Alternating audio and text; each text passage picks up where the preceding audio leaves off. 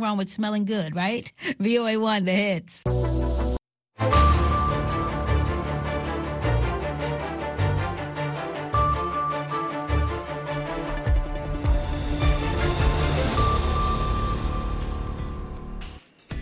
halkani waa washington laanta afka soomaaliga ee v o a oo aad ka dhagaysanaysaan mawjadaha gaagaaban efmiyada geeska afrika iyo caalamkao dhan oo aad nagala socotaan v o a somaly com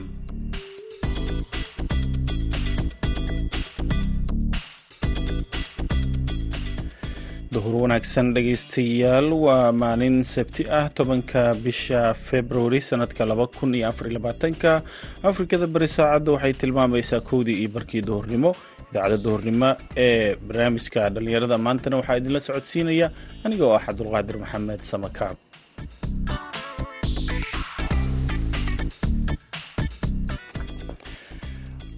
qodobada aad ku dhagaysan doontaan idaacaddeenna waxaa ka mid ah barnaamijkii madasha dhallinyarada oo aad xilidan oo kale dhagaysataan waxaana uu ku saabsan yahay shaqo la'aanta dhallinyarada ka qalinjabisa jaamacadaha.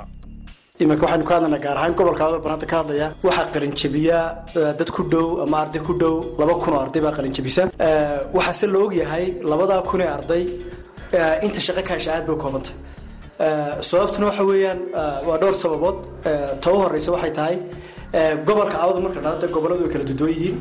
Resourceka iyo dowladnimada iyay ku kala duwan yihiin. Gobolka awdal oo kale marka laga hadlayo male dekado male ciyaarihii kaalmihii heesaha ayaad sidoo kale ku dhagaysan doontaan idaacaddeenna duhurnimo balse intaasoo dhan waxaa ka horreeya warkii dunida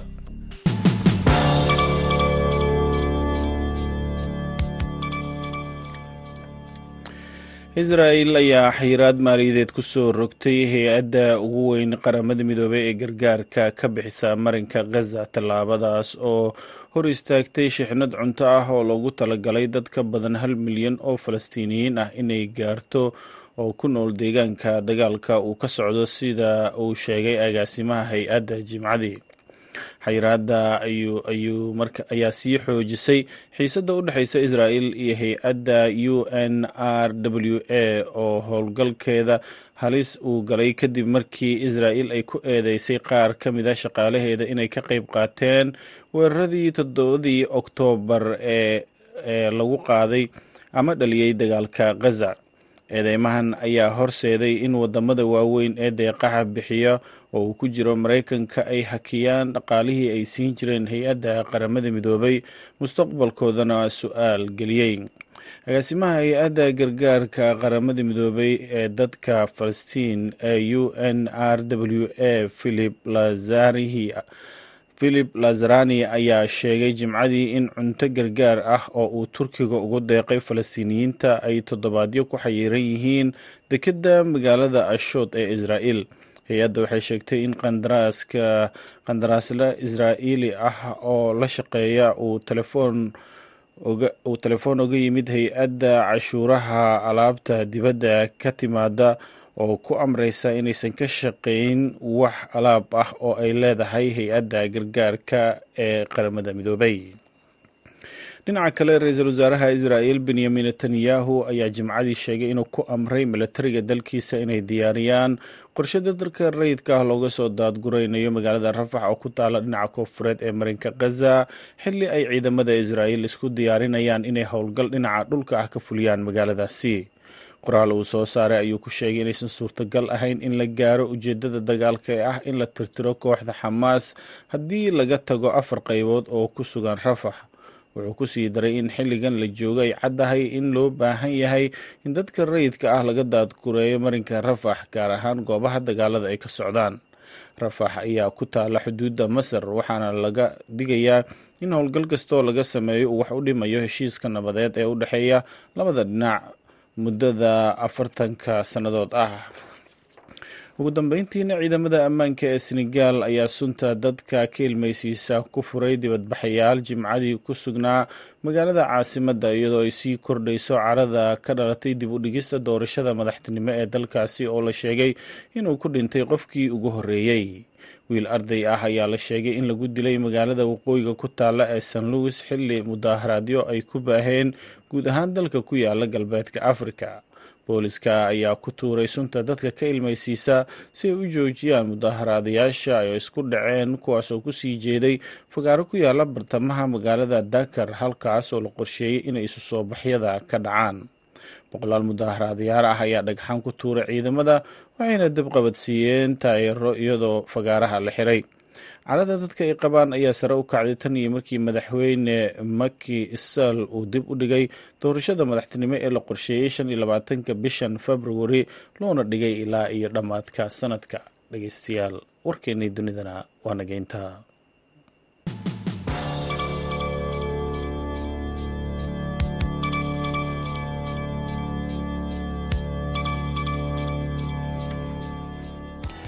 halka aad weli nagala socotaan. Waa idaacadda v o a oo idinkaga imaaneysa washington. Duhur wanaagsan mar kale dhegeystayaal. Haddana waxaad ku soo dhowaataan barnaamijkii madasha dhallinyarada. Waxaa inoo haya waryaheena magaalada laascaanood aan idhaahday waryaheena magaalada boorama haashim sheekh cumar good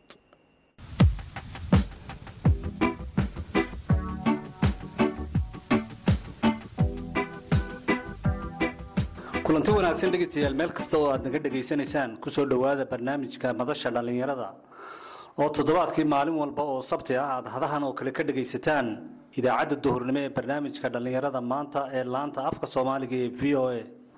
Toddobaadkan waxaynu ku soo qaadan doonaa barnaamijkeenna madasha dhallinyarada. Shaqala-aanta ka jirta dalka iyo dhallinyarada tirada badan ee ka qalinjabinaysa jaamacadaha waddanka gudihiisa gaar ahaan gobolka awdal. Waxaa barnaamijkeenna inagala qayb qaadan doona aqoon-yahan maxamuud faarax warsame oo ah bare wax ka dhiga jaamacadda camuud iyo cabdirasaaq daahir maxamuud oo ka mid a dhallinyaradii hore ee ka qalinjabisay jaamacadaha waddanka gudihiisa gaar ahaan jaamacadda camuud. Ugu horreyn waxaan ku soo dhoweynayaa aqoon-yahan maxamuud faarax warsame.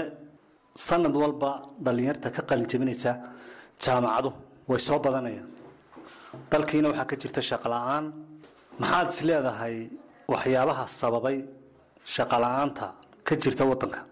Markaad noo sharaxdo maxaa ka mid a haashim v o waad mahadsantihiin waxaynu ognahay sanad walba iminka waxaynu ka hadlaynaa gaar ahaan gobolka awdal banaanta ka hadlaya waxaa qalinjabiyaa dad ku dhow ama arday ku dhow laba kun oo arday baa qalinjabisa waxaase la ogyahay labadaa kun ee arday inta shaqo ka hesha aad bay u koobantay sababtuna waxa weeyaan waa dhowr sababood. Ta u horeysa waxay tahay gobolka awda marka dhada goboladu way kala duwan yihiin. Resourceka iyo dowladnimada iyay ku kala duwan yihiin. Gobolka awdal oo kale marka laga hadlayo male dekado male airports male hay'ad hay hay'adaha dawliga xaggan ka jira gobolka awdal male wasaaradaha qaybahooga halkan ka jiraana dee shaqaala intaa legma qaadi karaan intaas waa qodob. Waxaa jira qodob labaadoo iyaduna dadku ayna u fiirsan oo keenaya dadku inay camal beelaan. Waxaa jirta dowladdu waxay leedahay nidaam la idhaahdo fiscal policyga. Fiscal policyga macnihiisu waxa weeyaan dowladdu cashuur bay marka hore qaadaa. Cashuurta ay qaaday bay marka haddana qaybo kamida dadka ku soo celisaa iyadoo ka dhigaysa markaa mashaariic oo kale. Tusaale ahaan markaa haddii dhowr mashruuc laga sameeyo magaalada boorama ama si guud gobolka awdal waxay keeni lahayd in dhaqaalu kobco kobcaa dhaqaale wuxuu keeni lahaa inay ganacsiya abuurmaan. Ganacsiyada abuurma waxay keeni lahaayeen inay shaqa halka ka abuuranto oo dad fara badanoo dadka graduateski ay shaqo helaan. Markaan waxaan is leeyahay gobolka awdal si guud dalku waxa weeyaan camalaantu way badan tahay laakiin gobolka awdal inahaan sheegaba iyaga gaaro ah. Ma la odhan karaa waxyaabaha shaqala-aanta dhallinyarada u sababa waxaa ka mid a? Waxa ay barteen ee muddada ay jaamacadda ku jireen ay soo baranayeen ayaan ahayn wax ay shaqo ku heli karaan amase aqoon ay barteen oo ay shaqo ku heli karaan ma soo baran oo ay wadanka gudihiisa kaga shaqayn karaan. Walaanu taa dad badan baa waxaa idhahda laakiin anigu ma qabo oo dee dadku tacliinta ay baranayaan. Haddaanay khuseyn ama ayna xalinayn baahiyaha markaa deegaanadooda ka jira dee marka horeba in waqti lagu lumiya mayan anigu taan is leeyahay taa maaha. Meesha waxaa ka maqan dowladnimadii baa ka maqan. Dowladnimada adduunyado dhanna way wada leeyihiin waxaa jira hay'ado un ka shaqeeya inay isku aadiyaan shaqada bannaan oo soo ogaada shaqooyinka bannaan iyo dadka markaa iyagu qalinjabiye takhasusaadka gaarkaa ama cilmiyada gaarkaa bartay. Hay waxaa ka shaqeeya dowladda adduunyadu waa nala mid. Waxaa laga yaabaa qofka maanta alka shaqada lagaaga baahan yahay inaad garanba weyda ama aad yani adoo un dee toban sano joogeen dee mar baktiya nasiib meel isaga hesho. Laakiin adduunyada waxa waa la soo yareeyaa gaabka udhexeeya ninka qofka shaqada raadinaya shaqada waa lasku aadiyaa oo waxaa dhacda inta badan. Marka hay'ada dhan baa ka shaqeeya oo dadka soo baxay takhasusaadkooda cilmiyada ay barteen iyo shaqooyinka bannaan. Marka saasa markaa qofka xafiiska markuu tago wuxuu arkayaa meelaha bannaan ee cilmigiisaasi uu bartay dee looga baahan yahay buu arkaya marka taasoo kale ayaa anagu ah sababta keenaysa in dadku ay camal la-adaan ma aha inay waxay barteen iyo waxa lagu shaqeynaya ay kala duwan yihiin. Marka ugu yartahay imika saadka kale dad ka shaqeynayso saadku muxuu u baahan yahay de wuxuu baahan yahay qofku inuu numerasiga iyo iyo xisaabinta garanayo sida wax loo qoro iyo sida wax loo xisaabiyo inuu garanayo. Qofka shahaado jaamacadeed oo tahay intaa maanu garanay uu garanaya markaan waxaa leeyahay taasi ma aha mushkiladu laakiin waa qodobkan ku sheegay ka dowladda kaasi waa mid. Midda kale waxaa jirta waa run mararka qaarkood way dhici kartaa in shaqooyin bannaan oo kuwa hoose oo kale dee dhalinyartu ay dhadaan shaqooyinkan dee ma qaban karno. Laakiin kuwa laftigoogu dee yurub hadday tagaanba shaqooyinka way qaban karaan kuwa hoose. Halkaana waxaa yar jirta waxoogaa dadku dee inaan iskala yar wen yihiinoo jaamacaddu dee waxoogaa yar qabka qab yar geliso laakiin way ka shaqayn karaan. Shaqooyinka hoose oo dhan waa laga shaqayn karaa ado xataa jaamacad ka baxay. Aan wax isle markaa taasi ma ahay.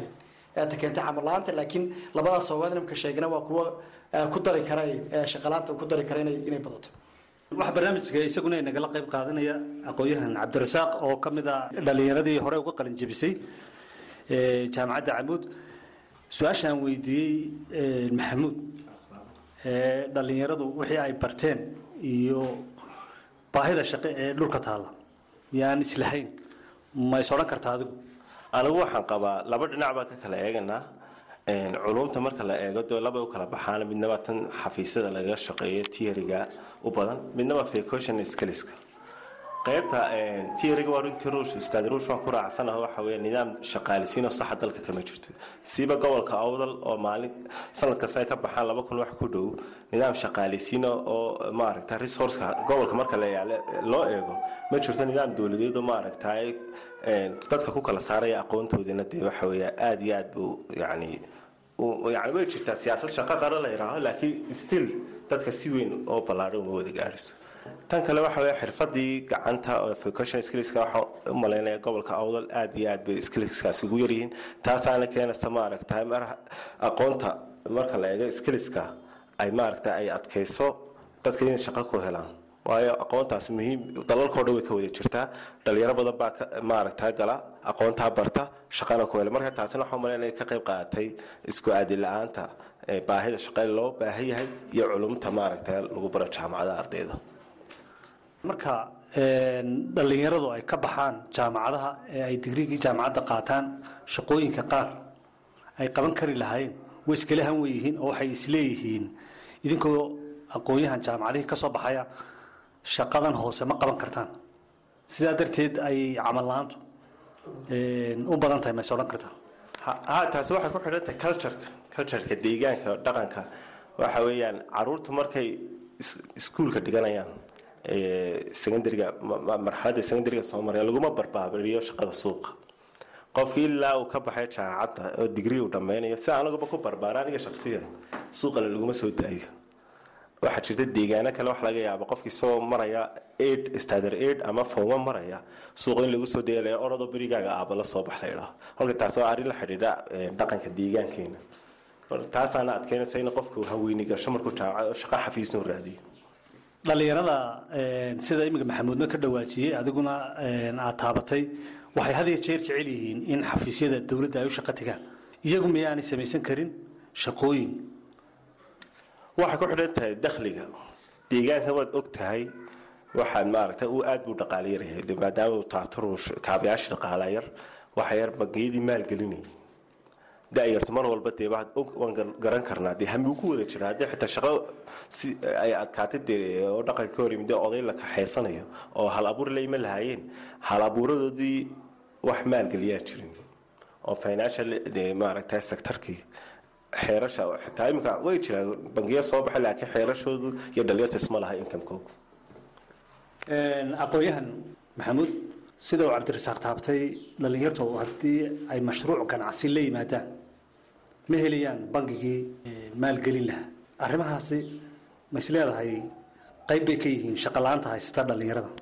Horta waxaan ku takhasusay dhaqaalaha islaamka islaamku wuxuu horta inta badan dhiirigeliyaa dadku inay waxa la dhaha self employment ku dhiirigeliya self employment waa maxay? Qofku isagu noloshiisa la baxo. Uuna cidna u shaqayn waayo islaamku wuxuu yar qofku haddii aad cid u shaqayso waxaa laga yaabaa waxoogaa inaad dhibadhan isaga ku noqotood ku tiirsanaato oo noloshaa dhan ku tiirsanaato waxyaala fara badan oo samayn lahayd oo horumara aanad samayn karin. Saad u fikiraysa ay noqoto sidii qof yacni dee qofka un ku hoos jiro haddii uu tale uu leeyahay iyo arrin uu leeyahay iyo wuxuu doonaya haddii uu la yimaado in shaqada laga eriyo dee markaa uu waxay shaqalaantaasi ay dhibaato ku keenayso dee familigiina aanu biirin karayn. Marka islaamku taasuu diidaa in cid ku tiirsanaato markaa wuxuu dhiirigeliya waxa loo yaqaano self employmentka ama qofka oo iskii u shaqaysta. Taasi waa qodob. Qodobka labaad intaan ku xidhayno cabdirasaaqna sheegay waxa weeyaan waxa bangiyadu dee waxa weeyaan shaqa abuurka qayb weyn bay ka qaataan maadaama ganacsiga qayb ka qaadanayaan. Laakiin mushkiladda halkan taallaa waxa maadaama oo collateral waxa la mushkilada ama waxa la raanka ama damaanada ayaa mushkila. Oo inankii dhalinyartii iminkunba qalin ma haysto dee wax uu bangigii dhigo si lacag loo siiyo. Taasi waxay keentaa markaa ilmu ama ninka dhalinyarta dhalinyaradu isku dayin inay bangiga u tagaan. Waayo haddii bangiga u tagaan waxaa la odhanayaa hanti maxaad haysataa ka kaala xataa hantida haddii la xaliyo qof damiinulmaana keeno waxaa suurtagala in la weydiiyo mushahar maqaadada ninkan waaba dee ninka imika de fresh graduate waa iminkunbuu dee jaamacaddii ka qalan jabiyey taasina markaa waa qodob. Dhaqaalaha si guudnoo qodobkii hore marka hore aan taabtina iyadna waa waa waa oo shaqa abuurka marka laga hadlayo ee la sameynayo shaqa la abuuranayo de waxa ku iminka dad og tahay xagga kale intaanan taa gelinba meheradaha ganacsigu boorama si guudba way yaryihiin haddana iyagoo yarka ciddaa ku way kacaan meherado markaa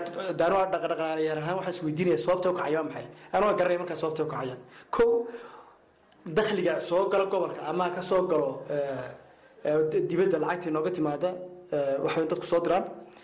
Ama ha inooga timaada ganacsigeen kookooban etoobiya oo kale naga soo gala ama ha inaga soo galo waxyaala u xagga dowladda ama dadka inala degan dhaqaala naga soo gala intaasoo sooras iyo kuwa hayada inaga soo galo iyaguna aan badnay marka la isku wada geeyo lacago badan oo cashuuraba markaa ka baxda. Maadaama dhaqaalii baxayo oonan haddana soo noqonin dee dhaqaali wuu yaraanaya marka. Mar walba waxa soo galaya dhaqaalaha ama dadka dhaqaalaha soo galay dadka reer awdan iyo waxa cashuur ahaan uga baxaya ayaa kala badan. Deeta markaa dadkii marba marka si dambeysa way sii jeebkaaga sii yaraanaya oo dhaqaalihi ku yaraanaya magaaladii dhaqaala yaraanshahaas wuxuu keenaya businesskii ma dhiirigelinaya ama ganacsiga ku yeera jiray iska daa kuwa cusub oo la sameeye ku yeera sii jiray baa kacaya ilahaasoo la sugaya marka waa kuwa keenaya inaan dhareertu shaqa abuuran karin maxamudow markaa maxaad is leedahay shaqa la'aanta dhallinyaradu ay ka cabanayaan ee dhallinyar kalena ay jaamacadihii ka soo waa lagaga bixi karaa maxaad is leedahay ko horta waxaa lagaga bixi karaa imika inaad ogtihiin mooyaane dee magaalooyinkiina way korayaan. Dee leydhkii biyihii waxyaala fara badanoo waxaa jira dee technical issues ama waxyaala farsamo badan baa jira. Haddii markaa la sameeyo iskuuladii farsamada ya waxa u yar moobil samayntaa u yar. Haddii kuwa la sameeyo waa lagaga bixi karaya shaqalaanta waa iskuuladii farsamada gacanta. Kuwa haddii yani dowladdu ay siyaasad ka dhigato oo magaalo walba iyo tuulo walba iskuullada laga sameeyo shaqalaanta wax weyn bay ka taraysaa. Taasi waa qodob. Qodob labaadna waxa dowladda u soo jeedin lahaa inay inay iyadu ay samaysato qorshihii isugu yani ay ku ogaanaysay inta soo baxaysa iyo shaqooyinka. Markaa loo baahan la abuuro oo qaarkood iyadoo ay abuuraan qaarna ay dhiirigeliyaan. Maxaa ka mid kuwa dhiirigelinayaan? Tusaale inay bangiyada dhiirigeliyaan la sameeyo oo magaalo walba laga furo. Waxaa kaloo dowladda ku dhiirigelina cashuuraha ku celiso degmooyinka si siman taasoo keenaysa markaa dhaqaalii degmooyinkii gobolladu inuu isa soo gaadho. Waxaa kaloo halkaa ku jirta oo dowladda aan u soo jeedin lahaa inay inay inay iyaguna waxa weyaan ku yeeshaan hanti yeeshaan. Oo dowladdu hadday hanti yeelato tusaalean dowladda hoosoo kaleba hadday hanti yeelato ama ta kale. Waxay awooddaa inay inay inay meelaha iyo ganacsiyada ay dadka shaqaalisa awooddaa tusaaleahaan shirkadaha leyrhka o kale hadday sheer ku yeeshaan oo kale dee qiimaha leyrhkuna uu jebi lahaa shaqana waa laga abuuri lahaa. Marka ana waxaan sodhan laha inahaasa mar ayaa noqon kari lahaa inay inay inay. Cabdirasaaq daahir jaamacadaha ay dhallinyaradani ka soo qalinjabinayaan sanad walba iyadoo suuqii ay shaqa la'aani jirto. Miyaanay door ku lahaan karin inay daraasaad ku sameeyaan? Shaqa la'aanta jirta iyo dhallinyarada soo baxaysa iyo manhajka ay dhigayaan inay iswaafajiyaan? Way ku lahaan kartaa laakiin aad bay u yar tahay iminka cilmi baaristu jaamacadeenu ay soo saaraan ma badna oo iminka waxa weeyaan haddaa la ogaado dhibaatooyinka bulshada la baadho xalkeedu waa la heli karaa markaana waxaan aaminsanahay doorkii cilmi baaristay ku aadineed mashaakilka bulshada situ shaqalaanta kow ka tahay aad bay u gaabantahay marka arrinkaa aad iyo aad baan u dhiirigelina jaamacadu ka qayb qaataan. Ugu dambeyn maxaad is leedahay markaad eegto shaqa la'aantaa jirta iyo dhallinyarada tirada badan leh ee ka soo qalijebinaysa jaamacadaha xal maxaa noqon karaa ee wax lagaga qaban karaa? In dhallinyartaa soo baxaysana ay shaqo hesho kuwii hore ee jaamacadaha hore uga soo baxayna shaqo abuur iyo loo sameeyo barnaamijyo mashaariic ay shaqo ku heli karaan. Waa kow waxa wey dowladda inay samayso maamul daadejin waa inaad saaxdo nidaamka shaqaalisiinta labadaas waa labada ugu muhiimsan. Waa sida ruushka aan ku raacsanahay hantida in gobollada loo dhaadhiciyo. Cashuurta gobollada bixiyaan dib loogu celiyo. Oo kow ka tahay in maaragtay maamul daadejin tusaale imika shaqa loo baahaya hargeysa la wada tegaya siifigii caasimadii baa la wada tegaya ninka mar walba jooga deegaanka hargeysa uu ka fursad dhow yahay ninka deegaanka gobollada kale jooga. Markaana waxaan aad u aaminsanahay inay dowladda dib u eegis weyn ku sameyso nidaamka shaqada dalka. Ta kale aan ku xigsin waxa weya ganacsatada. Gobolka odaygana waxaa ku dhiirigelinayaa hargeysa gobollada kale waxaan aaminsanahay anigu sectorka businessku aad buu maaragta u qaataa dhalinyarada. In sectorka businesskii boorama u kobcay maasha allah waxaa ku dhiirigelinaya ganacsatada ree awdal inay maaragtahay dhalinyarteena bilaa camalka. Intii nidaam shaqaalisiina sax u imanayo inay ka qayb qaataan inay maaragtahay shaqo siiyaan. Maxamuud hay. Waxaan yar xasuusta hal qodob. Bangiyadanu iminka sheegayna soma sababta ayna dhalinyarta lacag siin waa waxaan collateralka ama damaanada marka dowladda qodobkan waxaan u soo jeedin lahaa ama bangiyada laftigoogaba inay shuruudaha dadka dhalinyarta ee doonayna shaqooyinka abuuraan rabeen inay maalgashi ka qaataan bangiyada in la khafiifiyo. Taasina wax weyn bay ka taraysaa markaa dhalinyartu inay qaadan karaan maalgashi ay qaadan karaan ama la maalgelin karo si markaa ganacsiyo iyaga iyo dad kaleba ku filan ay u abuuran karaan intaas waxaynu ku soo gunaanadaynaa kuna soo gebagabaynaynaa barnaamijkeennii madasha dhallinyarada ee toddobaadkan oo aynu ku soo qaadanay shaqala-aanta dhallinyarada iyo dhallinyarada tirada badan leh ee ka soo qalin jebinaysa jaamacadaha gobolka awdal waxaa barnaamijka ay nagala qayb qaatay aqoon-yahan maxamuud faarax warsame iyo aqoon-yahan cabdirasaaq daahir maxamuud oo ka mida aqoon-yahanka dhallinyarada ah ee ku nool gobolka awdal waxaa barnaamijka idinka soo diyaariyey magaalada boorame ee gobolka awdal anigoo ah haashim sheekh cumar good tan iyo kulantadeena dambe dhegaystayaa waxaan idinkaga tegayaa sidaas iyo nabadgelyo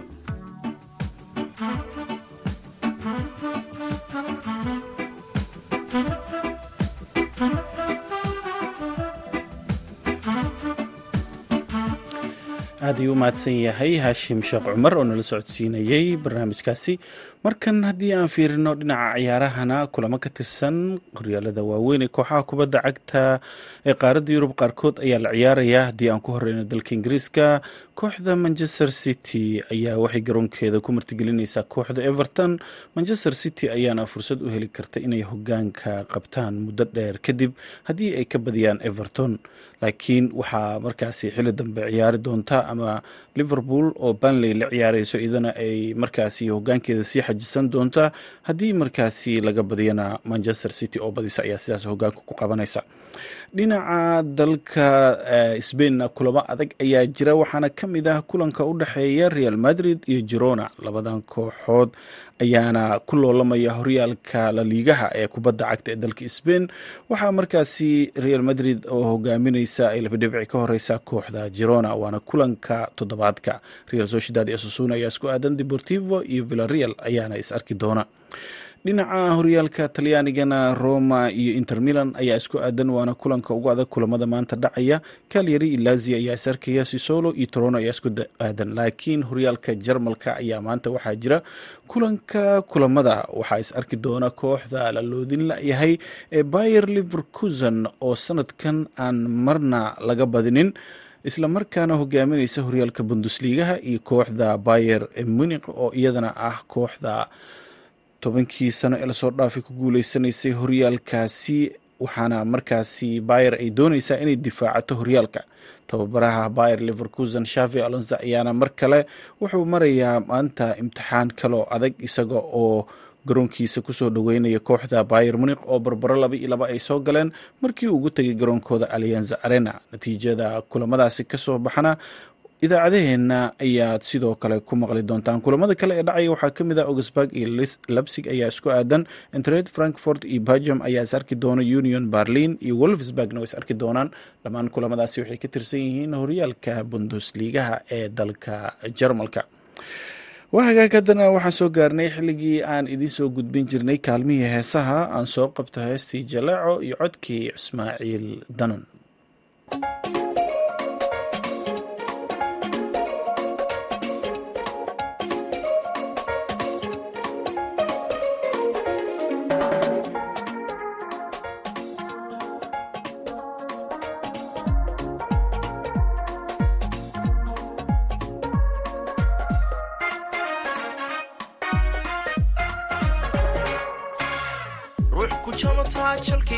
sonto jiifka guurto joogsan weyde jannoy bilcanida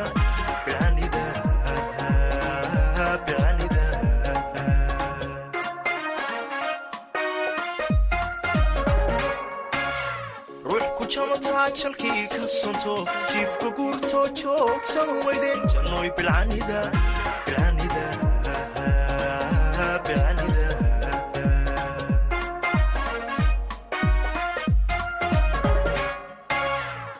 wanjiboode juuqsaliida jiidhacoode jalaqsa samida oo jalbeb wacanjaar la iida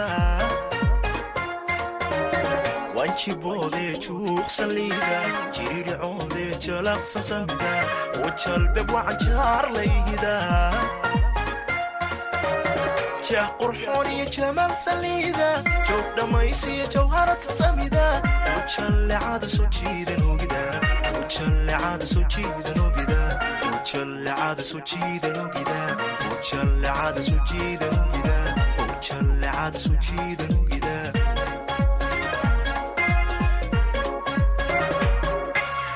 jah qurxoon iyo jamaal saliida joog dhammaysiyo jawharad sasamida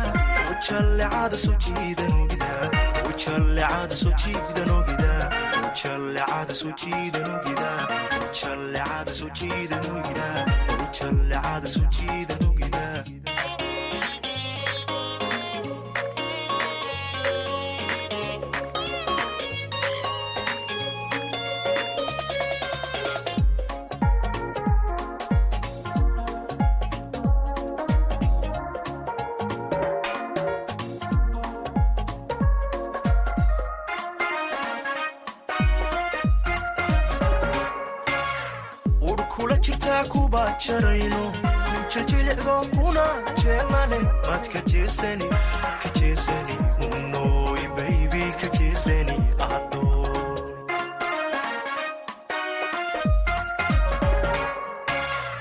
urkula jirtaa kuba jarayno kujaljilicdo kuna jeelane mad ka jeesani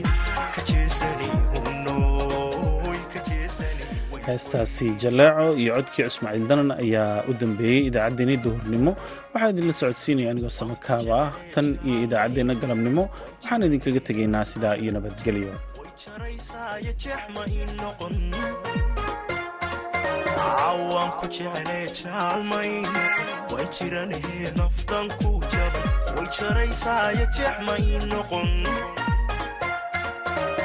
jah qurxoon iyo jamaal saliida duug dhammaysiyo jawharad sasamida ujallecada soo jiidan ogida ujallecada soo jiidan ogida ujallecada soo jiidan ogida ujallecada soo jiidan ogida ujallecada soo jiidan ogida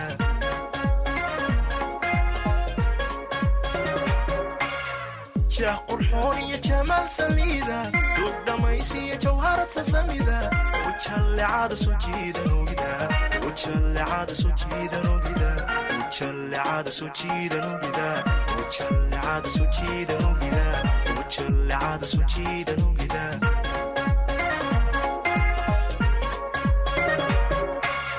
jah qurxoon iyo jamaal saliida duug dhammaysiyo jawharad sasamida ujallecada soo jiidan ogida ujallecada soo jiidan ogida ujallecada soo jiidan ogida ujallecada soo jiidan ogida jallecada soo jiidan ogida